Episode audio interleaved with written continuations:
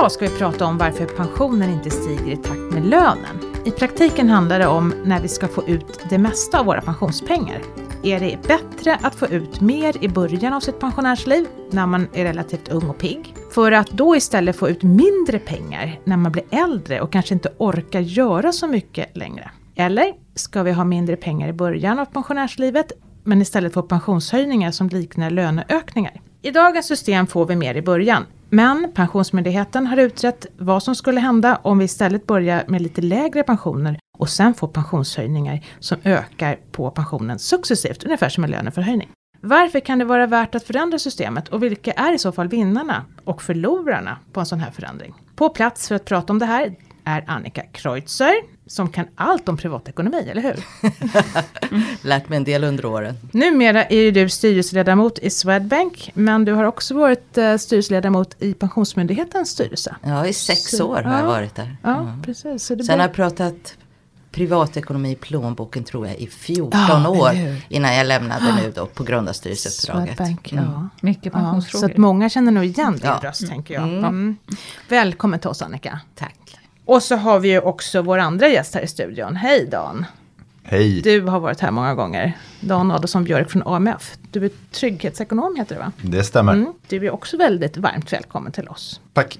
Och du jobbar ju som sagt då på AMF som ägs av LO och Svenskt Näringsliv tillsammans. Och ni förvaltar icke-valsalternativet i avtalspensionen SAF LO. Och SAF LO det är ju då en grupp som vi kommer att beröra under podden. I allra högsta grad skulle jag vilja säga. I studion sitter också Kristina Kamp, hej! Hej hej! Hej! Och du är ganska kunnig i privatekonomi du också. Okej okay då. Mm. Och ni två, Annika och Kristina, ni är gamla kollegor, visst är ni? Precis, mm. vi började, vi lärde känna varandra på Aftonbladet på 80-talet. Mm. Sen har vi följts åt och jobbat på privata affärer samtidigt bland annat. Och sen, ja, så går vi ut med hundar i skogen och sånt där också. Så att vi, vi har, det är bra att folk vet om att vi har privata band ja, också som gamla kompisar. Ja. När vi funderade på den här rubriken, då funderade vi på, ska män som dör tidigt ge bort ännu mer pengar till kvinnor som lever längre? Eller ska alla få mer pengar? Men mest pengar ska väl de som lever längst ha? Eller hur blir det här nu då? Men vi återkommer till det senare. Vi börjar med att prata om varför stiger inte pensionen i takt med lönen?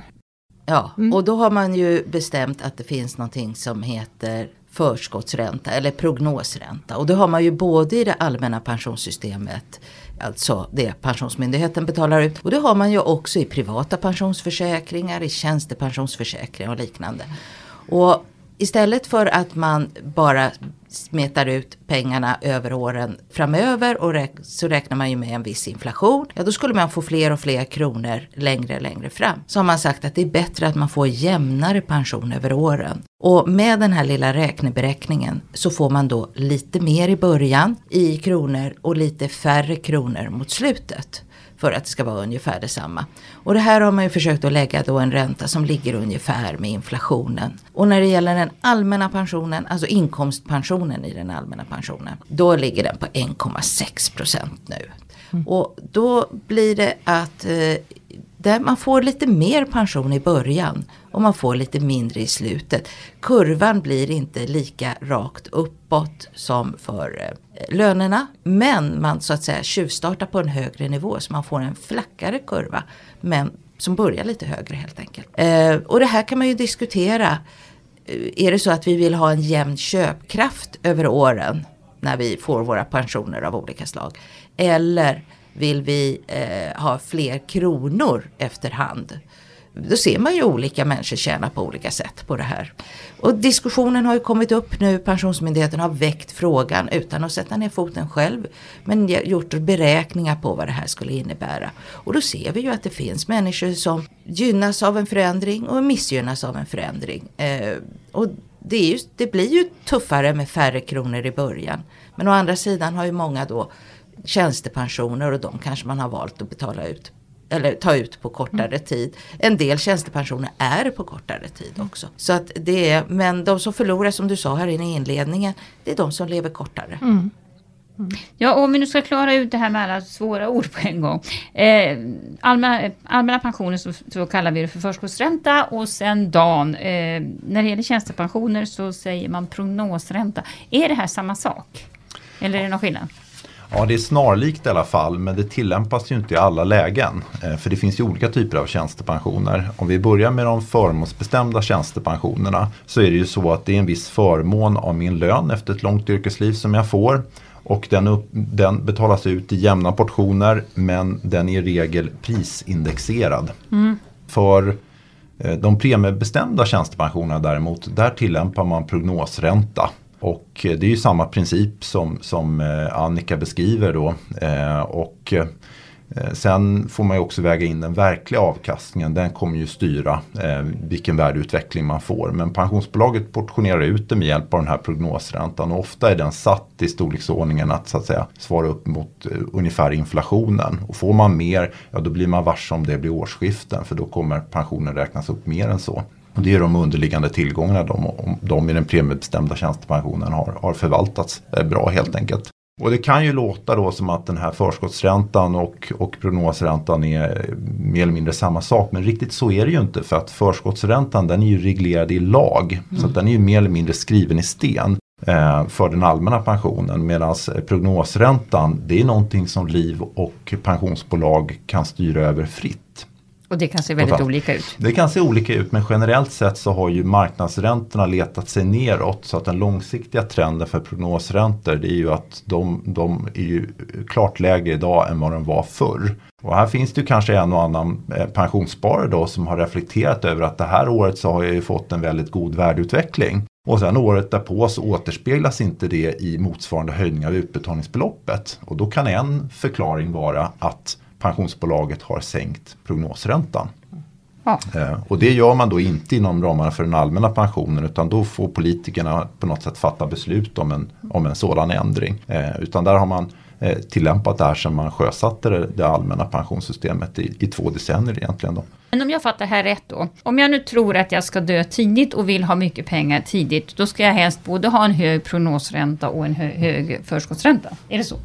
Ja, ja, ja. har du hög sån här ränta av de olika slagen då kommer det mer i början och mindre sen. Det blir alltså en flackare kurva. Ja, just det. Mm. Ja, och då eh, har jag också läst Pensionsmyndighetens rapport om de här förskottsräntorna och eventuella förändringar. Och om jag då har en förväntad allmän pension på 13 000 kronor i månaden när jag då blir 65 eller när jag vill ta ut pengarna. Eh, och man sänker den här förskottsräntan eller tar bort den helt enkelt. Då skulle det egentligen innebära att jag från start får 20% lägre pension. Alltså jag vad blir det? Eh, mm. ganska, nästan 3000 kronor lägre pension. Men ju längre jag lever så får jag ju så att säga löneförhöjningar då egentligen i takt med vad vanliga löntagare får. Så att eh, lever jag på ordentligt då kommer jag ha en bra pension kan man säga hela livet. Men jag får lägre i början. Är det så? Det stämmer och det här är ju det som man ibland hör från eh, pensionärer, ja, till och med från pensionärsorganisationer ibland. Att varför stiger inte våra pensioner lika mycket som lönerna? Ja, det är för att vi har fått ett förskott då på de här som du säger 2000 kronorna. Mm. Och det har man fått med hjälp av den här ränteberäkningen. Så egentligen skulle pensionen smetas ut exakt över de här 19 och ett halvt åren du kanske förväntas leva. Så hade du fått utan prognosränta 2000 kronor mindre där och en ökning i takt med lönerna för inkomstpensionen. Men då Dan, mm. ditt kollektiv, eh, SAF-LO, eh, ganska mycket manliga tror jag, män är det där. Hur länge lever de? Eh, ja, man lever i eh, genomsnitt drygt 20 år eh, efter det att man börjat ta ut sin pension. Ja, eh, och skulle... tjänstemännen lever ungefär två år längre. Ja. Men om man säger så här, det finns en, en tro då att om man så att säga fick lägre pension från början så skulle de inte hinna ikapp, eller? Alltså, mm. kollektivavtalsparterna gör ju skillnad mellan olika avtal ja. för att man förstår att det är skilda förutsättningar. Mm. Eh, så att vi eh, gör ju ingen åtskillnad på kön ehm, utan det är samma antagande för män och kvinnor och det är det ju mm. också i den allmänna pensionen och det skulle man kunna säga då gynnar kvinnor. Eh, men man gör ju skillnad mellan olika branscher i så mm. mån att det finns olika tjänstepensionsavtal. Mm. Och vi som pensionsbolag vi tillämpar eh, olika antaganden för olika avtal. Ja. Mm. Så att vi räknar med att man har en lägre återstående medellivslängd som privatanställd arbetare jämfört ja. med andra avtal. Och då får man lite mer pengar i ja, början all, helt enkelt. Eh, allt annat lika mm. så, så eh, kompenserar man för det. Ja. Men det är väldigt skillnad, alltså när man tittar på vad de, även inom ett och samma kollektivavtal, mm. vad de olika bolagen tror om hur länge vi ska leva och hur de då vill också räkna sin prognosränta. Eh, det här är, står alltså bolagen helt fritt att göra. Vi har haft tidigare reglering på det här för länge sedan. Då fick alla räkna på samma. Mm. Men det här släppte man fritt och det gör ju att man kan ju bli otroligt förvirrad. På, säg att det finns en miljon i ett pensionskapital och det ska betalas ut mellan du är 65 och så kanske du dör vid 95 då, säg att det är 30 år. Så är det för den här sista biten, då kan det skilja väldigt mycket pengar i vad du får i plånboken. Eh, jag tittade på något exempel. I ett bolag så får du 6 500 i månaden då. I ett annat får du 9 500. Och likadant i början kan det ju skilja tusenlappar så står man där och snackar med grannen över häcken och säger Ja men vi har jobbat, vi har ungefär detsamma. Ja, jag får bara det och det i tjänstepension och den andra säger ja, jag får så här mycket. Så har, kan man då börja härleda och titta, ja men har man valt olika bolag och de har valt olika saker. Och det här är lite knepigt för då kan man ju inte från början när man då väljer på valblanketten eller om man då inte gör, titta på vad de har. För det här kan de ju ändra hela tiden under resans gång också. Även när jag fyller 65? Ja det här justeras, väl, det justeras jämt. Ja, justeras jämt. Ja. Men hur ska jag tänka då? Som, ja, ja. Så det, det, det är, precis, det här är ju lite knepigt. Man kan åtminstone ta sig en funderare då eh, före 65 om man ska flytta före utbetalning. Ja. Om det går att flytta. Då ska man titta på på konsumenternas.se som är, finns det jättebra jämförelsesajt under pension. Går man in och tittar och så kan man gå ner och titta just på de här eh, beräkningsräntor, livslängdsantaganden och se hur det är hos de här olika bolagen. Och, och, det finns ju bolag som inte har någon eh, sån här beräkningsränta alls. Och det finns andra som ligger med beräkningsräntor på högsta, jag hittat tre. 3%. Men, men om jag tänker då, ja. Eh, och har man en beräkningsränta på 3% då får man väldigt mycket i början ja. och så får man inte så mycket sen. Och har man noll så, ja, så att vi liksom bara hänger med. Ja. Men nu Dan igen då, dina, eh, om vi nu utgår från att de som eh, har sina pengar hos AMF dör lite tidigare då än genomsnittet för att uttrycka mig lite morbid sådär. Vad ska de göra då om det blir sådana här förändringar? Ska man då försöka plocka ut sina pensioner så fort det går eller liksom, eh, ja, tips? Ja, alltså ska man hårdra det så finns ju eh, oftast möjligheten att ta ut tjänstepensionen eh, på kort tid. Mm. Om man ser en risk att man kommer leva kortare än, än många andra. Och det här sker ju idag. Eh, och den möjligheten går ju inte inom den allmänna pensionen. Men som, som vi var inne på tidigare så är det ju faktiskt så inom tjänstepensionsavtalen att man tar hänsyn till att förutsättningarna ser olika ut mm. i olika avtal. Och, och, sen skulle jag vilja säga att det finns ju några vanliga missuppfattningar när de här pensionsutbetalningarna startar som i, i hög grad styr just valet mellan tidsbestämd och livsvarig utbetalning. Många tror ju helt felaktigt då att pensionen läggs på hög. Eh, ungefär som ett bankkonto så får man ingen värdeutveckling eller uppräkning mm. alls. Och så är det ju inte. Eh, den allmänna pensionen den räknas ju upp med, med inkomst, inkomstutvecklingen då. Sen har man det här förskottet i och för sig som också då spelar in. Förmånsbestämda tjänstepensioner de följer i regel en form av prisindexering. Och eh, premiebestämda tjänstepensioner, det beror alldeles på hur förvaltningen då de går. Men, men det är klart att vi ska ju leva i drygt 20 år eh, som, som pensionärer. Eh, och vissa lever eh, i och för sig då kortare eller längre. Men det, det, är, en, det är en väldigt lång eh, utbetalningstid. Och eh, det är klart att det förskräcker att man inte skulle få någon, någon uppräkning under den här tiden. En annan vanlig villfarelse det är ju att utbetalningen ser ut ungefär som en liggande hockeyklubba. Eh, där man mm. får väldigt mycket på slutet och då riskerar att dö ifrån sin pension. Ja. Och då ska man ha klart för sig att just den här förskottsräntan, prognosräntan finns ju för att stora grupper ska kunna få ut sin pension också. Och för att man värdesätter en jämn inkomst. Mm. Det är också en av anledningarna till varför man väljer att ta ut eh, tjänstepensionen på ett visst sätt. För att man värdesätter då att kanske ha en lite högre inkomst till en början. Så det är nog också en parameter som, som spelar in här, mm. skulle jag tro. Men vad skulle dina medlemmar säga, tror du, om man nu så att säga sänkte den här förskottsräntan i den allmänna pensionen och man fick mindre pengar från början, med löfte om att få mera sen? Det tror jag är jättesvårt och som politiker så skulle man nog akta sig från, för det eftersom låg och medelinkomsttagare får ju lejeparten av sin eh, framtida inkomst från just den allmänna pensionen. Eh, när det gäller tjänstepensionen så är ju den i regel för de här grupperna eh, mindre och här har ju pensionsbolagen också sänkt prognosräntorna. Eh, och det finns det ju en och annan pensionssparare som, som har upptäckt då. Mm. Eh, men just för, för eh, den allmänna pensionen så tror jag det är svårt att lyckas med sånt. För att jag, jag inbillar mig, i min, i min bok i alla fall så hamnar man i en svekdebatt och olika grupper ställs mot varandra. Och det tror jag är en ganska grannlaga uppgift att, att bena ut vad, vad som är rättvist. Någonstans är man ju svaret skyldig så att mm. säga. Vill man ha en annan ordning mm. så måste man ju väga för och nackdelar ganska noga då. Och eh, tydligt visa varför det ska vara annorlunda. Så det, det kan nog vara svårt. Ja, jag tycker det här är ju otroligt svårt att kommunicera. Mm. Det, det, är det som är det stora problemet här. Alltså idag när det skriks om högre pensioner i, och det är en valrörelse som kommer. Då ser jag ju som noll förutsättningar att ändra det här som är lagstadgade 1,6 procent i inkomstpensionssystemet. Eh, det går inte helt enkelt hem just nu. Samtidigt så måste vi ha en hederlig debatt. Och det går inte då när man påstår att pensionerna går inte upp lika mycket som lönerna. Och, och då måste man vara hederlig nog och ha satt sig in i det så mycket så att man förstår varför. Jo, för man fick de där 2000 kronorna mer än vad man skulle ha i början. Här skulle jag ju verkligen vilja att de som är ute och debatterar pensioner inte tar de här lättköpta eh, och spär på mm. felaktigheter och feluppfattningar.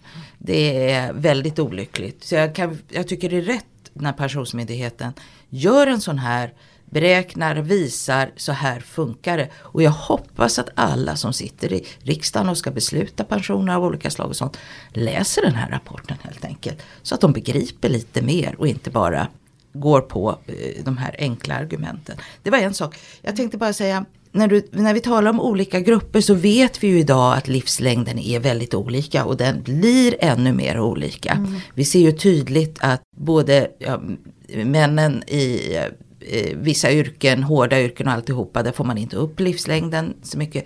Kvinnorna i eh, kommunal sektor, också stora grupper som inte eh, får högre livslängd. Mm.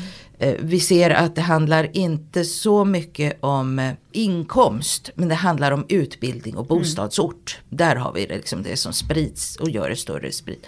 Den här mannen då som vet att jag är ju en typisk sån här som inte kommer att ha, leva kanske hela medellivslängden och allt det där. Då har man ju möjligheten att ha ett tempat uttag men inte ta det här korta 5 och 10 år. Men ta 20 år då som är en trolig livslängd mm. för ditt kollektiv, alltså gubbar som du. Och då får du ju i stort sett livsfarligt också. Men du slipper att bli påverkad av de här eh, högutbildade kvinnorna i, i innerstadsområdena som drar upp livslängden. Och männen i cykelbyxor. Ja. ja, nu vet jag inte om de kommer att leva så länge när de håller på som de gör i trafiken. Men, ja. Nej men man kan ju känna in sig och läsa Statistiska centralbyrån kommer ut med mm, utmärkt ja. pressmeddelande varje år. Mm. Där de då grupperar och ser och vad känner jag, vilket kollektiv tillhör jag, vad ser jag ut som? Mm. Och, och som sagt, många män, eftersom vi nu har könsneutralt när det gäller utbetalningstid, vilket vi inte hade tidigare, men nu är det könsneutralt. Och vi vet att kvinnor lever i snitt ett par år längre. Så brukar jag när jag sitter och pratar med en säga så här, men du har alternativet istället för livsvarigt, ta 20 år då. Mm. Ja, det kanske blir ett eller två eller tre år, lite tuffare ekonomiskt. Men det är precis i slutet på livet mm. då antagligen. Mm. Mm. Behöver man inte pengar då? då? Det kan man ju behöva men, mm. men eh, man späckar ju lite. Mm. Mm. Men man tar inte då risken med mm. att dras upp och få sämre utbetalningar på grund av det, kvinnorna, de här högutbildade. Mm. Och som sagt det här sprid, spridningen blir ju allt större nu. Och, och, det går ju att finfördela det här och se vilket kollektiv man själv tillhör också. Mm. Är det här något ni diskuterar hos er? Ja, men det är klart att det är en skillnad mellan olika grupper och det är väl framförallt de som har förgymnasial mm. respektive eftergymnasial utbildning. Och där har väl skillnaderna blivit eh, än, än större. Mm. Sen när det gäller förväntad livslängd och sådana saker så vi har ju nyligen delat ut eh, ett överskott till privatanställda arbetare just eh, med anledning av att det har varit en hög, högre dödlighet än vad vi hade räknat med. Och, ehm, så, så, och för oss som pensionsbolag så är det viktigt att de som får det här överskottet är de som är berättigade till dem. Och det är ju de privatanställda arbetare som är lite äldre och som har ofta män med, med eh, traditionella försäkringar utan återbetalningsskydd. Mm. Nej, men jag tycker det är intressant. Jag tycker det finns en fördel med att vi har både den allmänna pensionen och att vi då har kollektivavtal som är mer anpassade till liksom de grupper de faktiskt eh, förvaltar pengar åt. Mm. Jag funderar på, är staten vinnare på att sänka förskottsräntor? Jag tänker om äldre kvinnor och andra med låga pensioner får mer pengar när de blir äldre, då kan vi kanske sänka utbetalningarna av olika bidrag. För då kanske man tänker att, att när de är lite yngre pensionärer då, då lever de på sina män, så då får de inte de här bidragen ändå. Kan det vara så att staten blir den stora vinnaren här? Jag tror att det är på marginalen mm. i och för sig. Men, men det, det, är ju så att det stora problemet och den stora fattigdomen som vi pratar om i pensionärskollektivet. Den är ganska centrerad till kvinnor 75 plus. Eh, och det är ju där de stora bidragstagarna av bostadsstödet finns. Mm. Så, så kanske på marginalen det skulle kunna bli någon liten effekt på det här. Lite bättre tillvaro för dem. Lite mer pension att röra sig med. För jag menar bostadstillägget går ju bara till en viss nivå också och det är mm. ju uh, förändringar i det. Så att, och vi vet inte vad som händer med bidragssystem överhuvudtaget och sånt. Så att visst, det kan ju vara bra att veta att man får lite mer senare. Men jag tror att det också här måste man vara väldigt försiktig och sätta i samband med att många av dem har ju också garantipensionen. Och den är ju inte med i det här systemet. De har ju oftast sin större mm. del av pension i garantipension. Och den följer ju bara med vanliga prisindexet upp. Mm. Så det här handlar ju om den delen av pensionen som är inkomstpension. Och för dem är det inte så mycket det handlar om egentligen. Så jag skulle nog inte tro att det finns någon baktanke med att spara in på bidrag här. Okay. Det, Nej. Sen tänker jag på en fråga som jag har glömt. Det är ju det här med att i många avtal, tjänstepensionsavtal, så har man ju faktiskt höjt avsättningarna på senare tid också. Mm. Eh, inte minst industrifacken. Är det här ett sätt då att se till att männen får lite mer pension att leva på? Som de kan styra över själva? ja, alltså förmodligen så har det nog mer med, med villkoren på arbetsmarknaden ja. att göra eh, när man håller på att runda av sitt yrkesliv. Och för att kalkylen för den allmänna pensionen, för att den ska hålla för kommande generationer så krävs det att man jobbar har två tredjedelar av medellivslängdsökningen. Mm. Det vill säga lever jag tre år äldre än min föräldrageneration så måste jag i alla fall jobba två av de åren för att kalkylen ska gå ihop. Mm. Och problemet med ett sådant antagande är ju att alla har ju inte möjlighet att förlänga sitt arbetsliv. Många i LO-kollektivet har ju fysiskt och psykiskt krävande jobb. Man har höga sjuktal i åldersgruppen 60 plus och man värdesätter den här flexibiliteten att kunna eh, gå ner i arbetstid som ett sätt att kunna orka eh, jobba eh, längre. Och den eh, vägen få högre pension faktiskt. Ja exakt, alltså tjänstepensionen är öronmärkt för mig. Jag kan mm. i högre grad styra utbetalningarna. Eh, och sen så tror jag också att eh, den allmänna pensionen brottas med, med, med vissa förtroendeproblem. Mm. Framförallt att kopplingen mellan arbete och pension är svag eh, för, för eh, vissa grupper. Då. Och för individen så är det ju inte alltid lönsamt att eh, senare lägga sitt pensionsuttag heller. Då. Eh, och man har pratat mycket om det här med, med att arbetsmiljön måste förbättras och sådär. Men det har inte hänt någonting konkret från lagstiftarens sida. Tvärt vad man liksom låter påskina från, från politiskt håll så är kanske det längre arbetslivet inte för alla. Och det där har arbetsmarknadens parter insett och därför så har man satt av mer pengar inom deltidspension, flexpension. Eh, framförallt eh, inom industrin från 2013 och framåt. Och det har man ju kunnat göra i den privata sektorn där det tjänas pengar. Ja. Men jag ser ju att männen då, eh, även om de kanske måste sluta utslitna och alltihopa, kommer ändå ha allt större pensioner jämfört då med kommunalkvinnorna. För att de har ju idag eh, också arbetsmiljöproblem som ännu värre och bli, blir värre. Industrin är inte så tung idag som det var när dina killar började jobba. Men de här kvinnorna de har ju värre och värre arbetssituation i form av stressen, hot om våld inom socialtjänsten och allt det här som, eh, och tunga lyft i vården och sånt som vi faktiskt blir värre och värre. Samtidigt som deras avtal, där är det ju inte mm. sådana här avsättningar till flexpensioner och annat. Det finns egentligen inte alls någon bra plan för att saxa sig ut ur arbetslivet. Så att jag ser nog tyvärr att vi kan nog se att eh, könsskillnaden i pensioner kan bli värre än vad de är idag i och med att privata sektorn fixar det här men det gör inte den offentliga. Framförallt den kommun och regionsektorn. De fixar inte att ta hand om sina anställda på ett bra sätt och hjälpa dem in i, i pensionärslivet. Det här tycker jag är jätteallvarligt. Man har andra prioriteringar i det avtalet eh, som kan, vi kan diskutera. Mm. Men, eh, men eh, det är en del, så där ser jag skillnader. Sen ser vi också att man talar mycket om att vi inte orkar så länge och alltihopa. Men ett stort problem här det är ju att vi har lika hård sjukförsäkringsvillkor på den som är 62-63 och utsliten som vi har på den som är 25 när det gäller då att få sjukersättning. Mm. Och här tycker jag väl egentligen att istället för att ta hela kollektiv och säga att de är skröpliga, för det vet vi inte, så kan man ju faktiskt vara mycket bättre på att ge sjukersättningar efter 60 på, på andra grunder så att rätt personer får rätt möjligheter till vård och rehab och allt det här istället. Och så kan vi höja pensionsåldrar i den takt det är. För på sjukpenning så får du ju pensionsrätter också. Så med höjda pensionsåldrar, vinnare på det är ju i praktiken de som har sjukersättning, mm. a-kassa och mm. liknande. För de får några år till att tjäna in pension. De får då högre pensioner än de betalas ut också. Mm. Men, men ja. Eh, en slutfråga innan vi sammanfattar det här. Man säger då att det finns en risk för att tjänstepensionen kommer att få så stor betydelse för framtidens pensionärer så att liksom den allmänna pensionen blir helt enkelt mindre betydelsefull. Är det här en bra eller dålig utveckling? Jag kan säga att det är dåligt. Därför är vi har väldigt många människor som inte omfattas av kollektivavtal. Mm. Av anställda så är det 90 procent. Och det, då säger man ofta i debatten 90 procent av kollektivavtal. Men vi har väldigt många människor i Sverige idag som inte är anställda. Som eh, har småföretagare, egen, alltså av, både av vilja men också av tvång. Många yrken idag måste du vara egenföretagare för att kunna fungera. Hela konstnärssektorn till exempel. Där går det inte att få stöd och annat om du inte har enskild firma.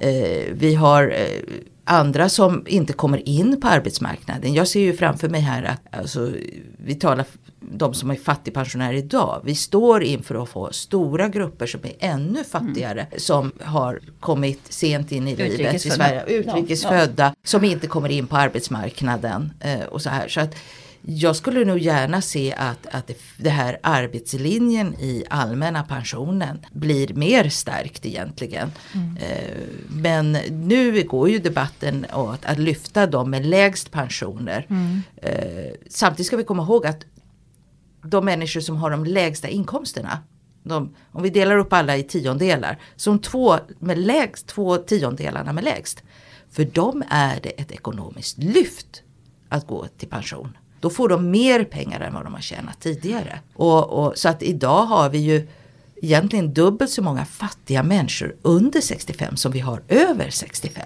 Så redan det får vi inte heller glömma bort. Och bland de här fattiga här så har vi många som inte omfattas av kollektivavtal. Eller har omfattats under några få år när de kom in på något jobb eller lite fått lite skvättar här och där. Men den här traditionella anställd från start till mål som arbetsmarknaden börjar luckras upp nu så är jag inte säker på att nästa generation kommer att ha på samma sätt. Nu då Tyvärr. får du försvara kollektivavtalet. Jag, jag, äl jag, är, jag älskar kollektivavtalet, det gör jag. Och jag skulle ändå, önska ja, att många av de här skuttfirmorna som kommer nu verkligen sluter mm. kollektivavtal. Mm. Så vi inte har den här under ytan arbetsmarknaden mm. som vi tyvärr mm. har idag. Man mm. börjar titta på, man möter folk mm. ibland som bär ut maten eller något Gig, annat. Ja, men problemet är väl att det är många som står utanför. Nej, men jag delar din uppfattning. Alltså det är problematiskt att den allmänna pensionen som då på något sätt har en inbyggd målkonflikt mellan grundskydd och inkomstskydd mm. har sån otrolig betoning på just grundskyddet. Det är där alla förstärkningar har skett. Det har varit brandkårsutryckningar, mm. pensionen ska rättas till i sista hand. Eh, medan stora grupper då reser frågan vad deras yrkesliv var värt och om det finns en drivkraft faktiskt att senare lägga eh, arbetslivet. Och eh, det kan leda till cementerade pensionsåldrar tvärt vad man egentligen vill uppnå då. Mm. Och det får ju effekter även för tjänstepensioner. Mm. Eh, så, så, det är olyckligt. Mm. Mm. Hörni, ska vi försöka sammanfatta det här? Du får lite eh. positiv, nu blev det så deppigt. Så jag vill säga något bra. Ja. Har det här någon betydelse för mig nu då? Behöver jag göra något? Med räntorna? Ja, alltså. med räntorna, ja. precis. Mm. Hur ska jag liksom tänka när jag går in, står inför att gå i pension? Då ska jag fundera mycket på det här med prognosräntorna. Ja, jag går in och tittar på den här sammanställningen på Konsumenternas ja. till exempel. Och vi lägger en länk skulle jag säga. Också. Ja, det kan vi lägger göra. en länk från det här ja. på vår blogg.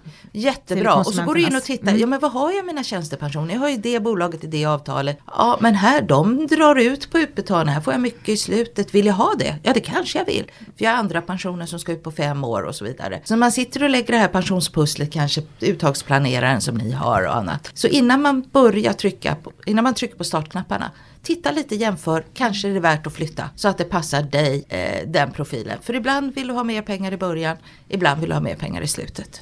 Och då ser de olika bolagen hur de är i den här stunden. Sen är det inte säkert att det blir exakt så, men det, man får en hum om det i alla fall.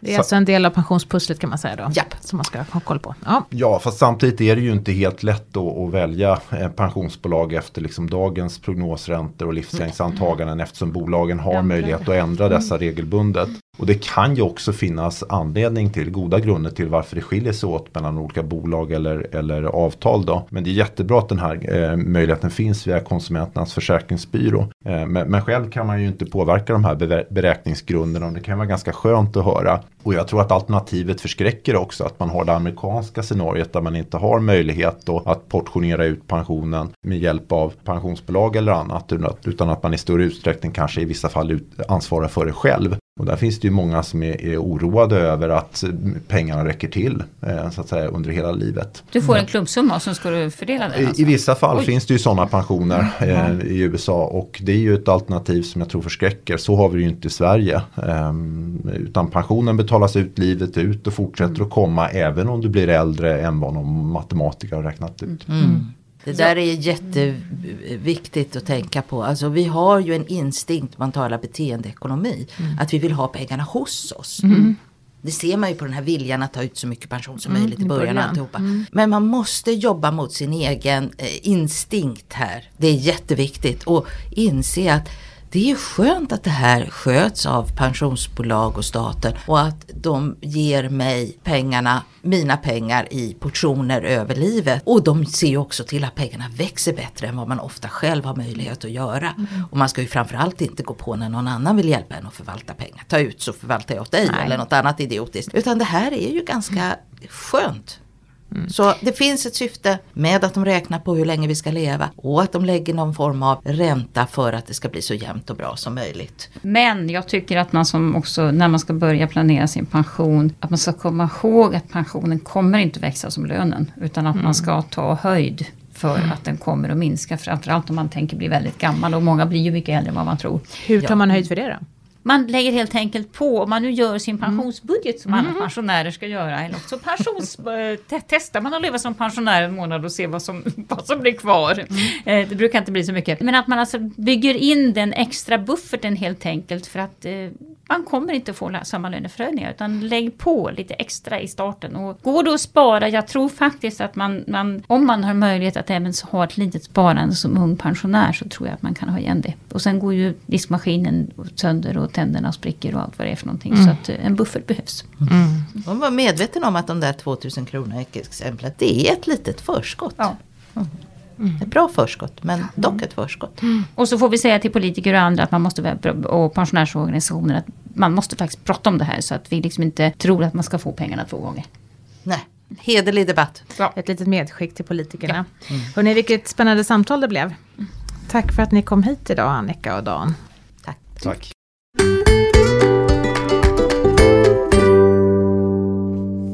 Då eh, har vi kommit fram till dagens fråga och den kommer från en 62-åring som arbetade heltid fram till 61 år och nu har gått ner till 60 procent. Och nu undrar hon hur mycket det skulle påverka pensionen om hon gick upp i arbetstid igen de sista åren. Skulle det påverka? Ja, det gör det ju. Ja, eh, det jag. fast jag skulle väl ändå säga, nu kan ju inte jag hennes, eh, vilken, beroende på vilken tjänstepension hon har, men generellt sett så är det så att så fort du tjänar mera pengar så får du ju mera inbetalt till din pension. Men de där sista åren det är ju inte dramatiska skillnader, så kan vi väl sammanfatta det hela. Men hon Okej. får ju mer lön som hon kan ja, men spara. det är absolut, det får hon. Det så det ska man aldrig, aldrig ska man glömma bort. Lön är nästan alltid bättre än pension.